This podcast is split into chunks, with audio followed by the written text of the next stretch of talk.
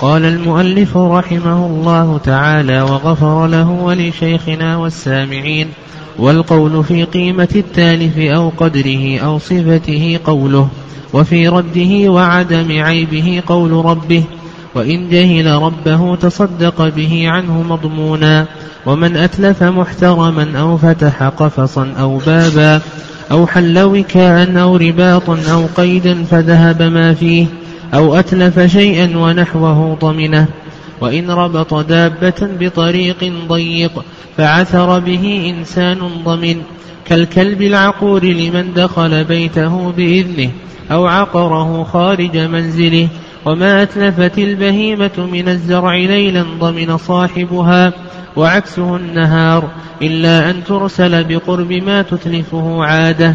وإن كانت بيد راكب أو قائد أو سائق ضمن جنايتها بمقدمها لا بمؤخرها وباقي جنايتها هدر كقتل الصائل عليه وكسر مزمار وصليب وآنية ذهب وفضة وآنية خمر غير محترمة. تقدم لنا ما إذا تغيرت صفة المغصوب أو نقص المغصوب شيء من الصفات. وذكرنا ثلاث صور ثلاث صور لهذه المسألة. كذلك أيضا تقدم لنا حكم الأيدي بعد يد الغاصب التي ينتقل إليها أو تنتقل إليها العين المغصوبة. إذا انتقلت العين المغصوبة من يد الغاصب إلى غير الغاصب وأن هذه الأيدي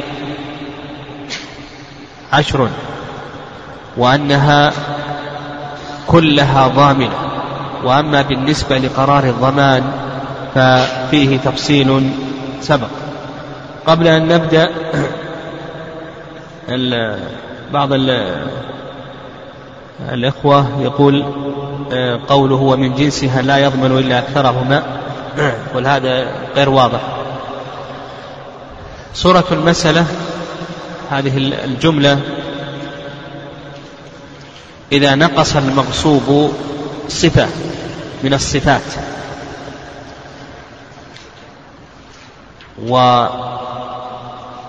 واستفاد صفة أخرى من جنس هذه الصفة.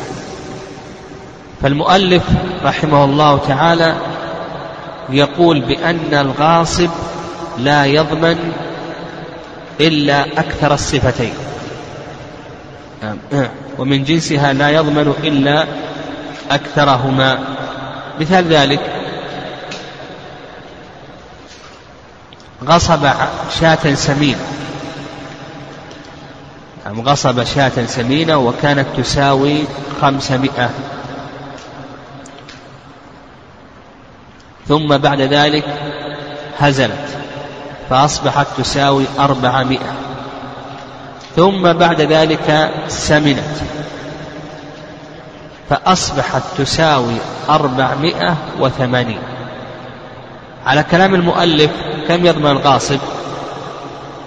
يضمن يقول لك لا يضمن إلا أكثر الصفتين. كم الفرق بين الصفة الأولى والصفة الثانية؟ ها؟ عشرين عشرون الفرق عشرون فيضمن عشرون. وعلى الرأي الذي رجحنا قلنا يضمن الجميع.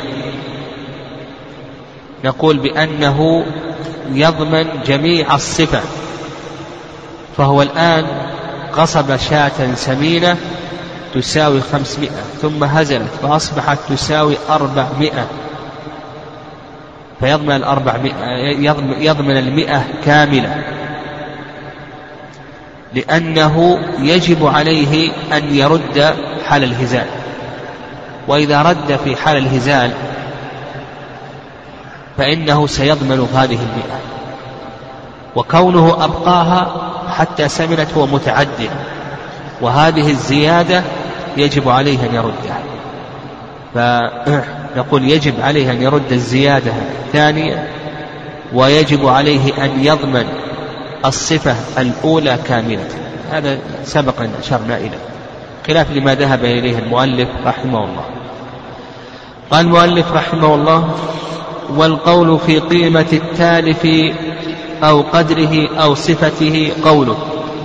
إذا اختلف الغاصب مع المالك فهذا الاختلاف له صور الصورة الأولى أن يختلف في قيمة التالف ولنفرض أنه غصب سيارة ثم تلفت هذه السيارة فقال الغاصب قيمتها عشرة عشرة آلاف وقال المالك قيمتها اثنا عشر ألف ريال. فما القول قوله؟ يقول المؤلف رحمه الله القول قول الغاصب. لماذا؟ لأنه غارب. والقاعدة عن المذهب القاعدة عن المذهب؟ أن القول قول الغالب. فإذا اختلف في قيمة التالف فالقول قول الغاصب. لأنه غالب هذه الصورة الأولى. أو قدره. قال المالك غصبت كتابين. قال الغاصب لم أغصب إلا كتابا واحدا. فما القول قوله؟ يقول لك المؤلف القول قول الغاصب. لماذا؟ لأنه غارب. طيب. أو صفته. قال المالك غصبتني سيارة. صفتها كذا وكذا. قال الغاصب لا بل غصبتك سيارة. صفتها كذا وكذا. فالقول قول الغاصب لأنه غارب. وفي رده إذا اختلف في الرد قال الغاصب رددت العين المغصوبة. قال المالك لم ترد العين المغصوبة. الغاصب يقول رددت العين المغصوبة. والمالك يقول لم ترد العين المغصوبة. فالقول قول من؟ ها؟ قول المالك. لأن الأصل عدم الرد. الأصل عدم الرد. قال وعدم عيبه. قال الغاصب أنا غصبت سيارة معيبة فيها خلل كذا وكذا. قال المالك بل غصبت سيارة سليمة. فالقول قول المالك. عدم العيب لأن الأصل عدم العيب. قال لك وعدم عيبه قول ربه. فأصبحت الصور كم؟ صور الاختلاف. ذكر المؤلف خمس صور خمس صور. والقاعدة في مثل هذه الأشياء كما سلف أشرنا إلى شيء من ذلك نقول إن كان هناك بينات نرجع للبينات. إذا لم يكن هناك بينات نرجع للقرائن. إذا لم يكن هناك قرائن. ها؟ فنرجع إلى كلام العلماء وما دلت عليه القواعد. يعني نرجع إلى كلام العلماء وما دلت عليه القواعد. مع أن عندنا أيضا قاعدة أخرى وهي أن الغاصب أيضا نلاحظ أن الغاصب أنه ظالم وأنه متعدي. أنه ظالم متعد. أن الغاصب ظالم ومتعد.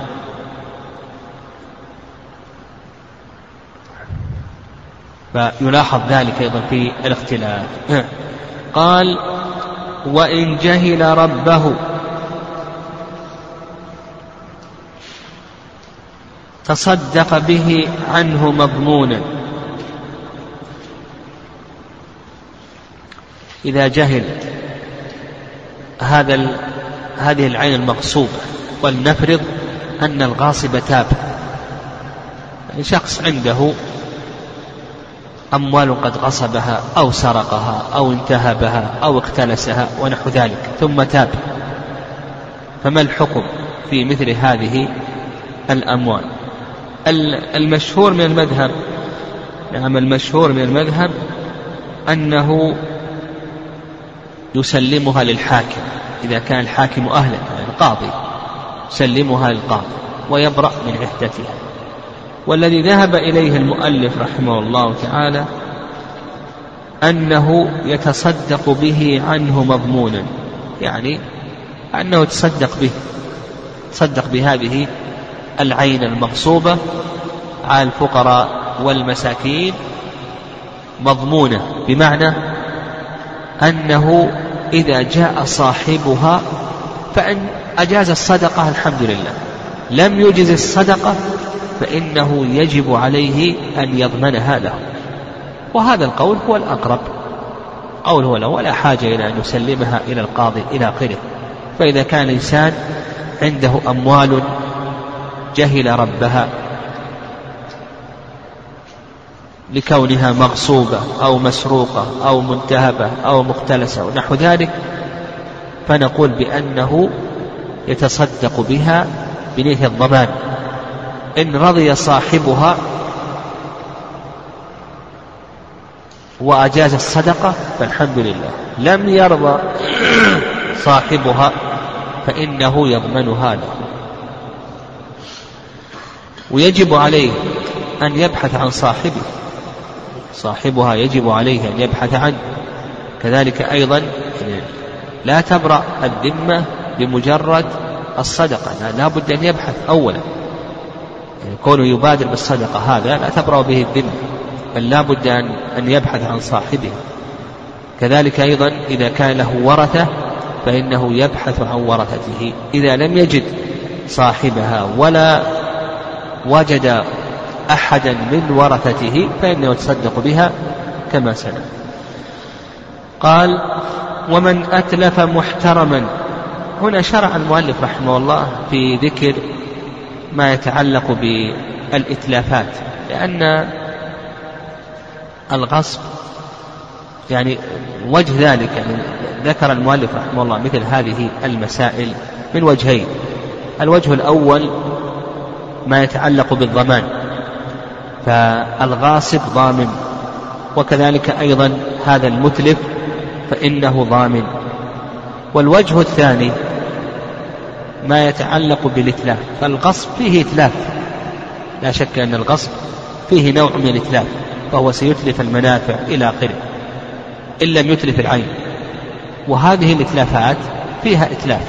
فالغصب فيه إتلاف المنافع إن لم يتلف العين. وهذه الإتلافات فيها إتلاف للأعيان. ذكر المؤلف رحمه الله ما يتعلق بإتلافات البهائم إلى آخره وأيضا إتلاف الأموال المحرمة كما سيأتينا إن شاء الله. قال المؤلف رحمه الله ومن أتلف محترما يعني أتلف مالا محترما. والمال المحترم. نعم المال المحترم هو ما أباح الشارع الانتفاع به. يعني ما أباح الشارع الانتفاع به والعقد عليه. هذا هو المال المحترم. فيخرج ما يتعلق بالأموال المحرمة. يخرج عندنا أمران الأمر الأول الأموال المحرمة. الأموال المحرمة هذه ليس لها حرمة شرعا.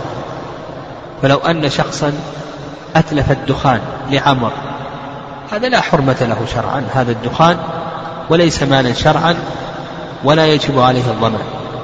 أو مثلا أراق الخمر إلى آخره. المهم أتلف هذا المحرم فنقول بأنه ليس محترما شرعا ولا ضمان ولا ضمان الثاني المختصات.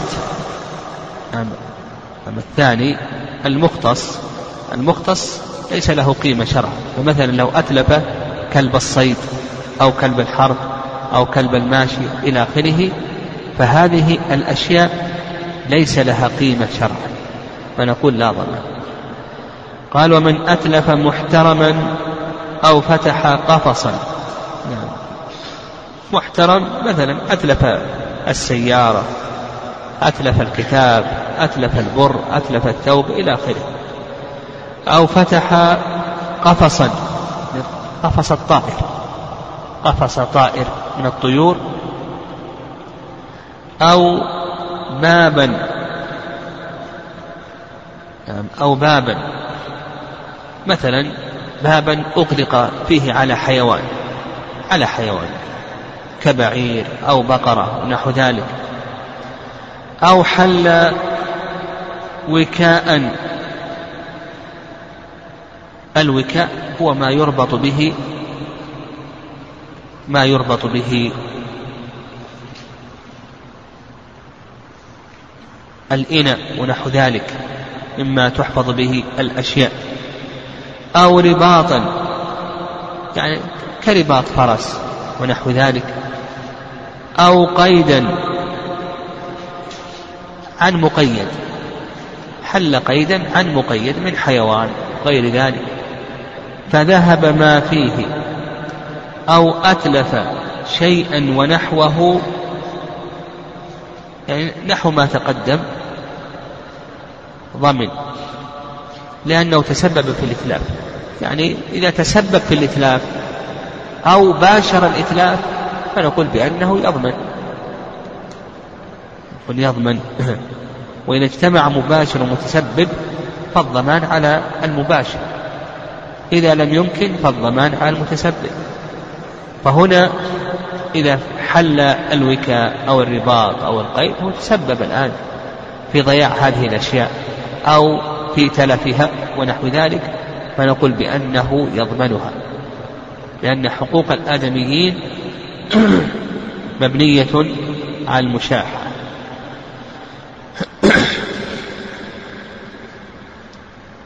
ويدل لذلك قول الله عز وجل وما كان لمؤمن أن يقتل مؤمنا إلا خطأ من قتل مؤمنا خطأ فتحرير رقبة مؤمنة ودية مسلمة إلى أهله إذا كان خطأ فكيف إذا كان عمدا؟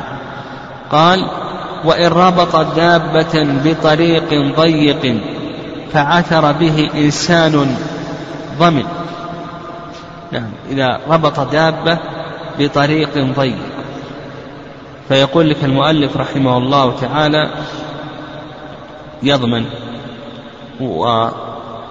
وظاهر قول المؤلف بطريق ضيق أنه لو ربط الدابة مثلا كالحمار أو الثور أو نحو ذلك أو الجمل ربطه في طريق ضيق.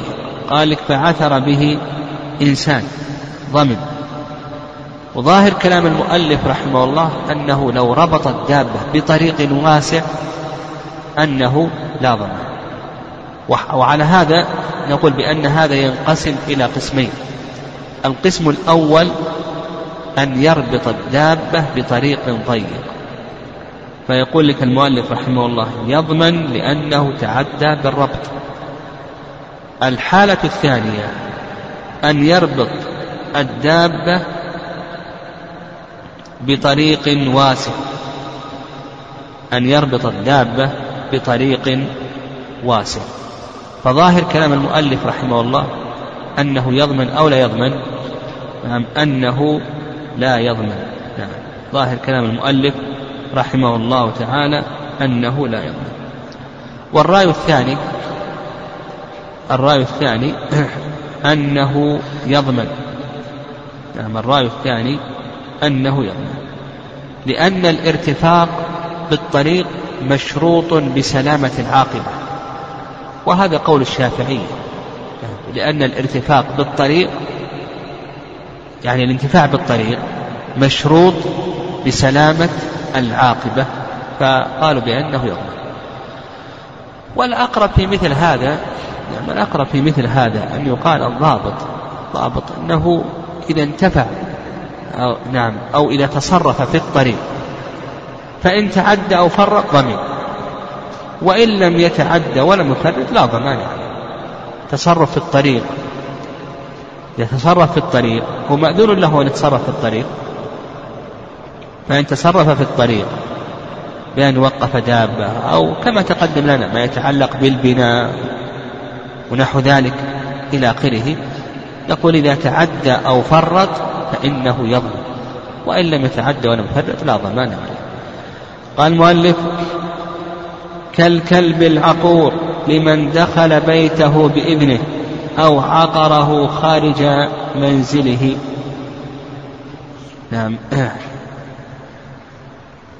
إذا أتلف الكلب العقور العقور الذي يعقر الناس يعني يعتدي على الناس بالعقر بالعقر وهو العض نحو ذلك. ومثل ذلك أيضا بقية السباع. مثل ذلك أيضا بقية السباع. كالأسد والنمر ونحو ذلك. فإذا أتلفت مثل هذه الأشياء هل تضمن أو لا تضمن؟ أو هل يضمن من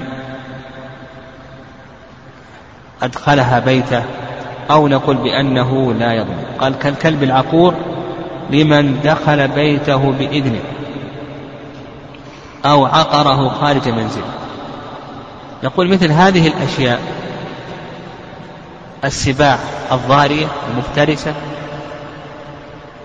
إن عقرت خارج المنزل فإن صاحبها يضمن. هذا القسم الأول. لأنه متعد بجلبها إلى مجامع الناس. والقسم الثاني أن تعقر داخل المنزل. فإن دخل من عقر بالإذن ها فإن صاحبها يضمن. وإن دخل بغير إذن فإن صاحبها لا يضمن لأنه متعد بالدخول فأصبح عندنا إتلافات هذه السباع الضاربة تنقسم إلى ماذا؟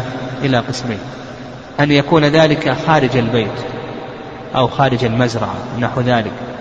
فنقول بأن صاحبها يضمن لأنه متعد باقتناء مثل هذه الأشياء. والمؤذي يتلف. القسم الثاني أن تعقر داخل البيت. فإن كان أذن بالدخول إليها. ها؟ فإنه يضمن. وإن لم يأذن بالدخول وإنما دخل الداخل بلا إذن فإنه لا ضمان لأنه متعد بالدخول.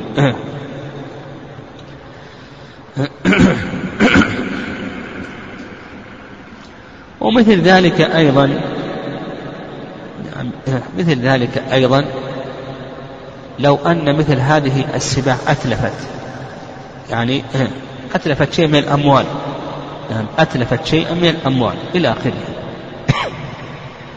قال المؤلف رحمه الله تعالى وما أتلفت البهيمة من الزرع. لما تكلم المؤلف عن إتلافات السباع الضارية ونحو ذلك ذكرنا فيها هذا التفصيل السابق شرع في إتلافات بهيمة الأنعام. بهيمة الأنعام اقتناؤها مباح. بخلاف السباع الضارية فإن فإن اقتناءها غير مباح.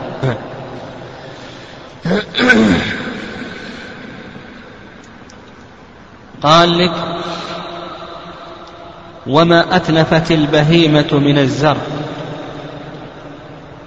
وغير الزرع أتلفت من الماء أتلفت من الشجر. ليلا ضمنه صاحبها وعكسه النهار. تلافات البهائم. تلافات البهائم تنقسم إلى أقسام.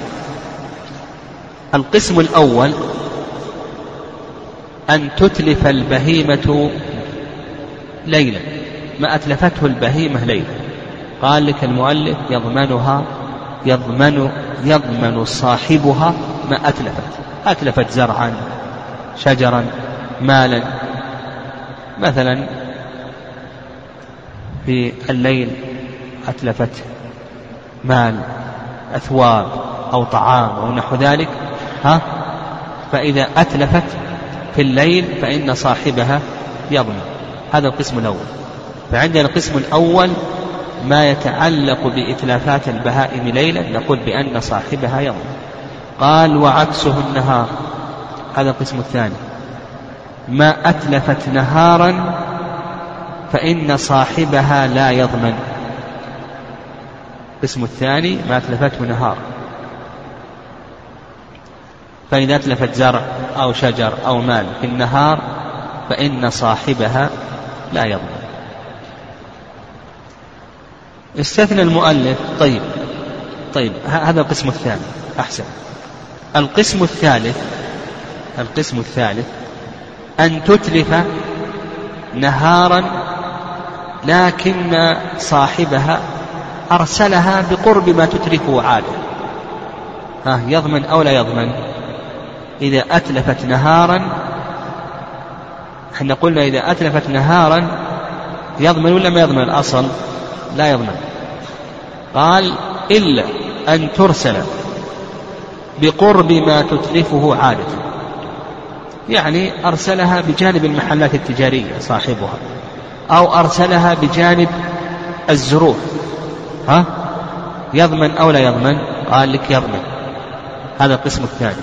قال لك يضمن. إذا أرسلها بقرب ما تتلفه عادة يضمن. فأربعة الأقسام كم؟ ثلاثة. نعم الأقسام ثلاثة. ويدل لذلك حديث حزام بن سعد أو حرام بن سعد.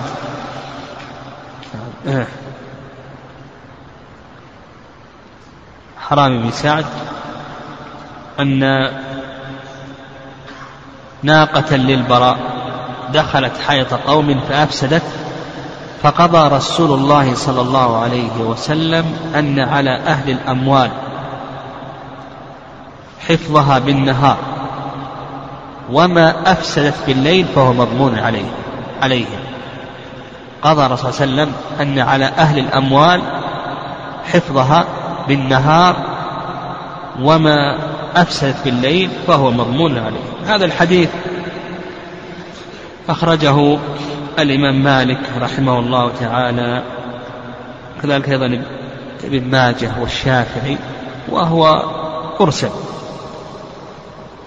الحديث هذا مرسل. وقد جاء من وجه آخر متصل. يعني جاء من وجه آخر متصل إلى آخره لكن الصحيح أنه مرسل هذا الحديث. طيب. القسم الثالث قال وإن كانت بيد راكب أو قائد أو سائق ضمن جنايتها بمقدمها بمقدمها لا بمؤخرها. هذا القسم الرابع. أن تكون هذه الجنا الدابة بيد راكب يركبها أو قائد يقودها أو سائق يسوقها. فأتلفت يقول لك المؤلف رحمه الله يضمن إتلافاتها إتلا يضمن إتلافاتها التي بأي شيء؟ بالمقدمة دون ما أتلفته بالمؤخرة بالمقدمة اليد والرجل المؤخرة اليد والفم يعني إذا كان معها سائق أو قائد فأكلت من الطعام يضمن أو لا يضمن؟ يضمن. رفست برجلها بيدها يضمن أو لا يضمن؟ يضمن. طيب.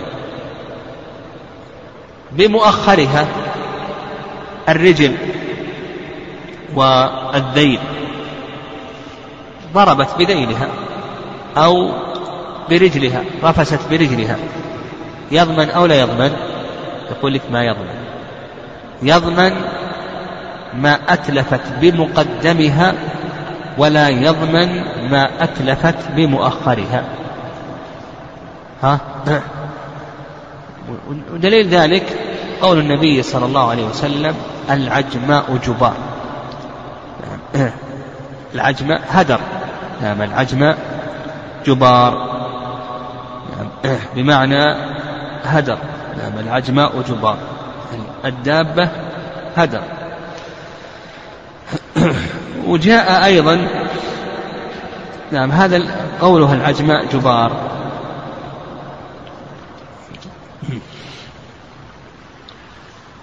نعم قول النبي صلى الله عليه وسلم العجماء جبار هذا متفق عليه. وجاء أيضا مرسلا الرجل جبار الرجل جبار يعني هذا. نعم لكن هذا مرسل. طيب. القسم الخامس قال وباقي جناياتها هدر. وباقي جناياتها هدر. يعني لا ضمان. ودليل ذلك قول النبي صلى الله عليه وسلم العجماء وجبار أصبحت الأقسام كم؟ ها؟ خمسة. القسم الأول ها؟ ما أتلفته ليلا. القسم الثاني ما أتلفته نهارا. القسم الثالث ما أتلفته نهارا إذا أرسلت بقرب ما تتلفه عادة. القسم الرابع إذا كانت بيد سائق أو قائد هذا فيه تفصيل. ما أتلفت بمقدمها يضمن ما أتلفت بمؤخرها لا يضمن. القسم الخامس ها؟ باقي باقي جنايات جناياتها. وخلاصة ذلك أن نقول قاعدة في إتلافات البهائم. خلاصة ذلك قاعدة في إتلافات البهائم. نقول النبي صلى الله عليه وسلم حكم. قال العجماء جبار العجمة هدر. فنقول إتلافات البهائم غير مضمونة إلا إذا تعدى صاحبها أو فرط. بس. هذا يلخص كل الكلام السابق. فنقول القاعدة في ذلك إتلافات البهائم غير مضمونة. والمقصود بالبهائم ماذا؟ التي يباح اقتناؤها أما الضواري هذه تقدم منهم الكلام فيها لكن هنا التي يباح اقتناؤها. نقول هذه غير مضمونة إتلافاتها غير مضمونة إلا متى؟ إذا تعدى صاحبها أو فرط مثلا إنسان في الليل مثلا البهيمة انفلتت منه. خرجت وأتلفت. أو مثلا في النهار انفلتت منه وأتلفت. أو أو مثلا بمقدمها أكلت ما استطاع أن يردها. يضمن ولا ما يضمن؟ ها؟ نقول لا ضمان عليه. لماذا؟ النبي صلى الله عليه وسلم حكم قال العجماء جبار. إلا إذا تعدى وفرط. تعدى وفرط أطلقها في الأسواق لم يحفظها. في الليل إلى آخره. مثل ذلك أيضا يجعلها بجانب الطرق طرق السيارات فتتلف السيارات وتتلف الآدميين ونحو ذلك. يقول ما دام أنه تعدى أو فرط صاحبها فإنه يضمن. أما إذا لم يكن تعد ولا تفريط فإنه لا ضمان. قال كقتل الصائل عليه. يعني إتلاف الصائل. إتلاف الصائل هل إذا أتلف الصائل هل يضمن أو لا يضمن إذا أتلف الصائل؟ أقول الصائل إتلافه لا ضمان فيه. ويدل لذلك ما ثبت في صحيح مسلم من حديث أبي هريرة رضي الله تعالى عنه. ما ثبت في صحيح مسلم من حديث أبي هريرة رضي الله تعالى عنه أن رجلا جاء للنبي صلى الله عليه وسلم فقال يا رسول الله أرأيت إن جاء رجل يريد أن يأخذ مالي؟ فقال وسلم لا تعطه. قال أرأيت إن قاتلني؟ قال قاتل. قال أرأيت إن قتلته؟ قال هو في النار. قال أرأيت إن قتلني؟ قال فأنت شهيد. فالنبي صلى الله عليه وسلم حكم عليه بأي شيء؟ حكم عليه بالنار مما يدل على أنه لا يظلم فإذا صال على الإنسان بعير أو آدمي أو غير ذلك فإنه يجب عليه أن يدفعه بالأسهل فالأسهل يجب عليه أن يدفعه بالأسهل فالأسهل إذا كان يندفع بالتخويف خوفه بالضرب ضربه بالجرح ونحو ذلك جرحه إذا لم يندفع إلا بالقتل فإنه لا ضمان عليه. المهم المهم أن الأصل أنه يدفعه بالأسهل فالأسهل دفع الصائل إذا لم يندفع إلا بالقتل فإنه يقتل لكن لا يتجرع على القتل ما دام أنه يقدر أن يدفعه بالأسهل فالأسهل يعني وقال شيخ الإسلام تيمية رحمه الله إن خاف أن يبدره بالقتل فله أن يبدره بالقتل. يعني شيخ الإسلام يقول إن خاف أن يبدره بالقتل فله أن يبدره بالقتل. يعني لأن كون يقول له اجلس خوفه بالله و... و... وقم بالوعظ والتذكير إلى آخره قد يؤدي إلى أن يقتله إلى آخره. أو مثلا آه، يقوم بضربه فإذا ظن أنه سيبادره بالقتل فله أن يبادر هو معذور أمام الله عز وجل. قال وكسر مزمار. هنا شرع المؤلف رحمه الله فيما يتعلق بإتلاف المحرمات. يعني كسر المزمار. يعني المزمار أو غيره من آلات اللهو. فهذه ليس لها حرمة شرعا. آلات اللهو. وصليب وآنية ذهب وفضة وآنية خمر غير محترمة المهم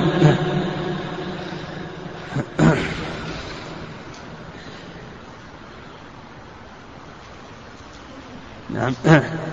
المهم صليب وآنية ذهب وفضة إلى آخره. هذه عموما المحرمة. الأشياء المحرمة هذه ليس لها قيمة شرعا. فإتلافها لا ضمان فيه. فإذا أراق الخمر أو أتلف الدخان أو كسر المزمار أو العود أو أتلف الصور أو أتلف المجلات ونحو ذلك نقول هذه ليس لها قيمة شرعا ولا ضمان لكن يعني مباشرة الإتلاف النبي صلى الله عليه وسلم يقول من رأى منكم منكرا فليغيره بيده فإن لم يستطع فبلسانه فإن لم يستطع فبقلبه. فإذا كان له سلطة الإتلاف فإنه يباشر الإتلاف باليد. إذا لم تكن له سلطة الإتلاف فإنه يغير المنكر باللسان. إذا لم يتمكن من أن يغير باللسان فإنه يغير بالقلب بمعنى أن يفارق ذلك المنكر. قال وكسر مزمار أو غيره وصليب. يعني كسر الصليب أو غير من الأوثان وآنية ذهب وفضة و نعم غير وآنية خمر غير محترمة الخمر المحترمة يعني خمر المحترمة هي خمر الذم. يعني خمر الذم هي الخمر المحترم.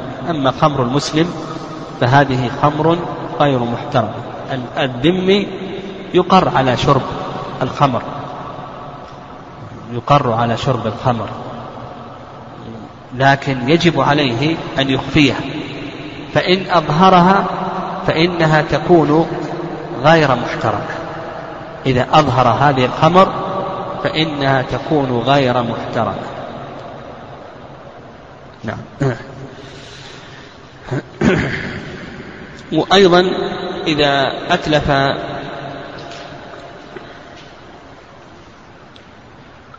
نعم أيضا إذا أتلف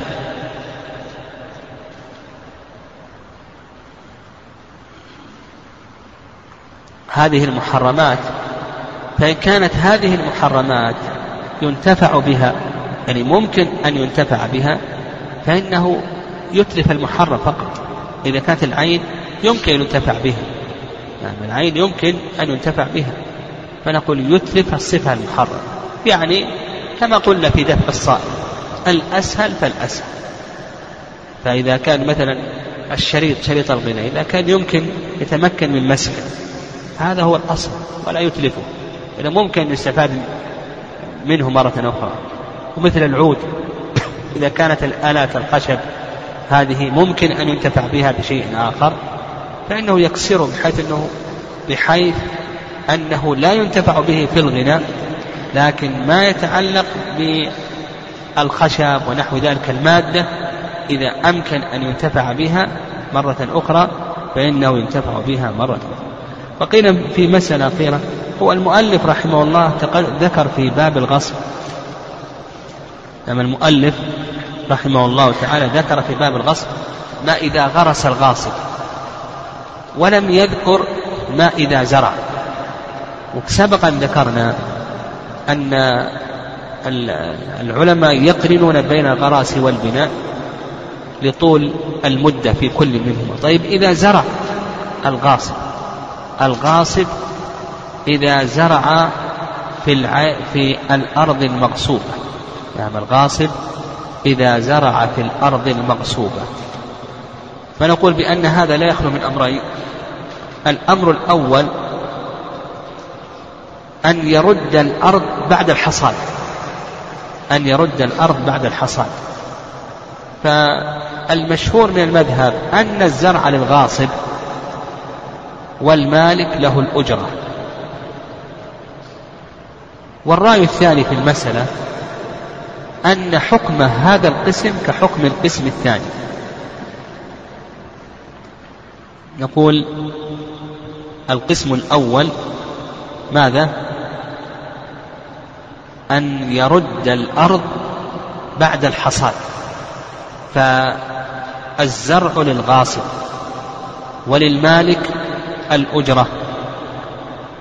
القسم الثاني أن يرد الأرض قبل الحصاد. فالمالك مخير بين أن يأخذ الزرع بكلفته أن يأخذ الزرع بالكلفة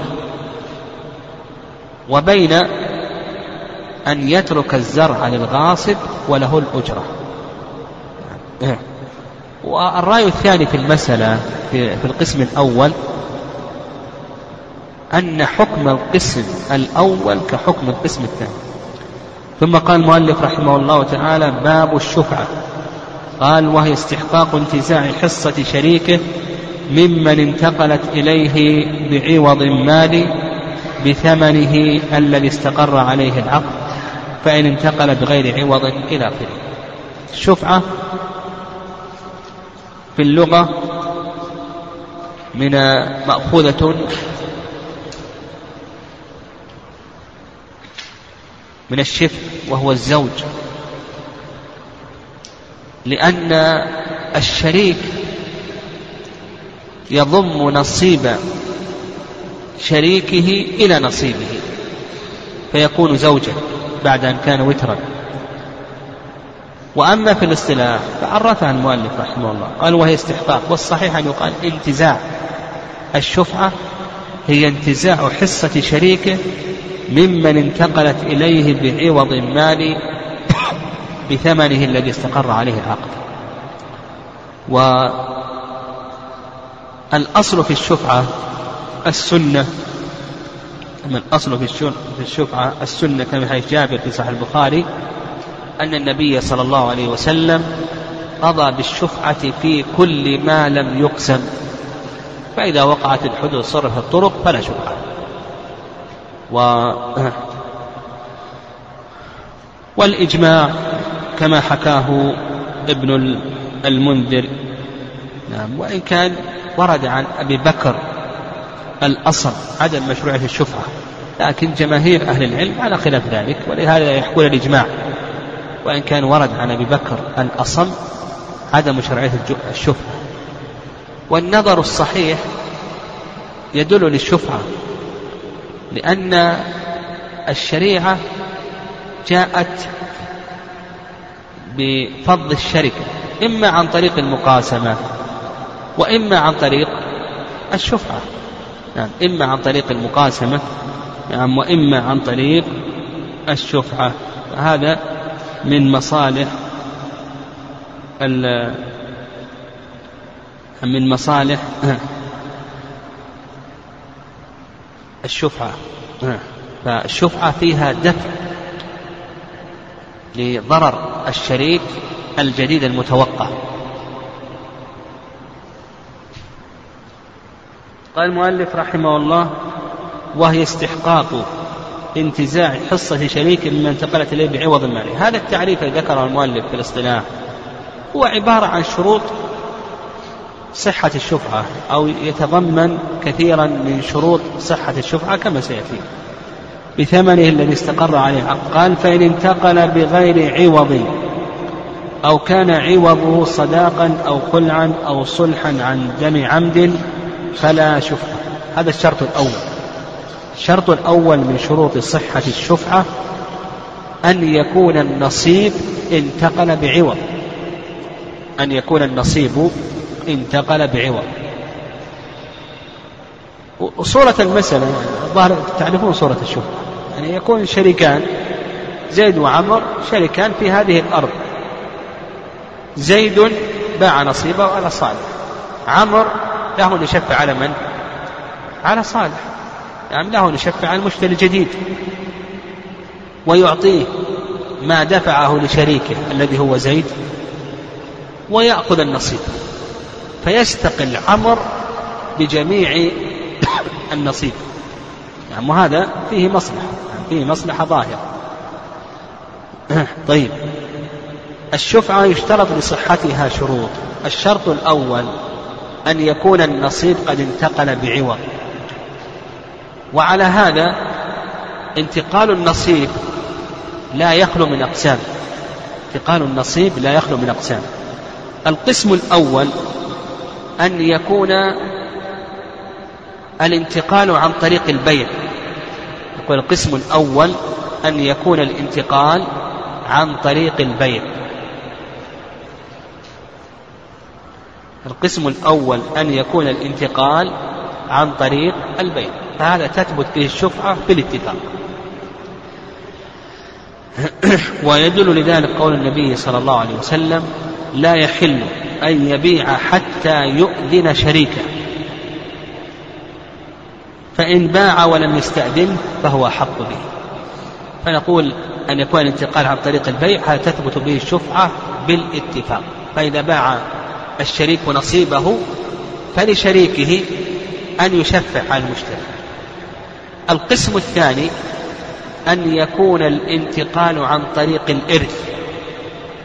أن يكون الانتقال عن طريق الإرث. فهذا لا تثبت به الشفعة بالاتفاق. فمثلا لو أن أحد الشريكين مات وانتقل النصيب لمن؟ للورثة. فهل للشريك أن يشفع على الورثة وليس له أن يشفع على الورثة؟ نقول ليس له أن يشفع على الورثة بالاتفاق. طيب القسم الثالث. أن يكون انتقال النصيب بغير عوض. بغير عوض. إيش مثل؟ مثل الهبة الوصية الصدقة إلى آخره. أن يكون انتقال النصيب بغير عوض مثل الهبة الوصية الصدقة إلى آخره. فهل تثبت به الشفعة ولا تثبت؟ كلام المؤلف رحمه الله تعالى أنه لا تثبت به الشفعة وهذا قول جمهور أهل العلم. هذا قول جمهور أهل العلم. لأن العوض أو النصيب انتقل بغير عوض أشبه الميراث. كالميراث والميراث متفق على أنه لا تثبت به الشفعة واضح؟ الميراث متفق على أنه لا تثبت به الشفعة فمثلا لو أن الشريك وهب نصيبه لزيد أو تصدق به على عمرو أو أوصى به إلى آخره. المهم انتقد بغير عوض. فجماهير العلماء أنه لا تثبت الشفعة إلحاقا لهذه الأشياء بالميراث لعدم العوض. طيب القسم الثالث وهو ما أشار إليه المؤلف رحمه الله الرابع أن يكون هناك عوض لكن هذا العوض غير مالي. نعم غير مالي ونتكلم عليه غدا إن شاء الله بإذن الله. إن شاء الله نتكلم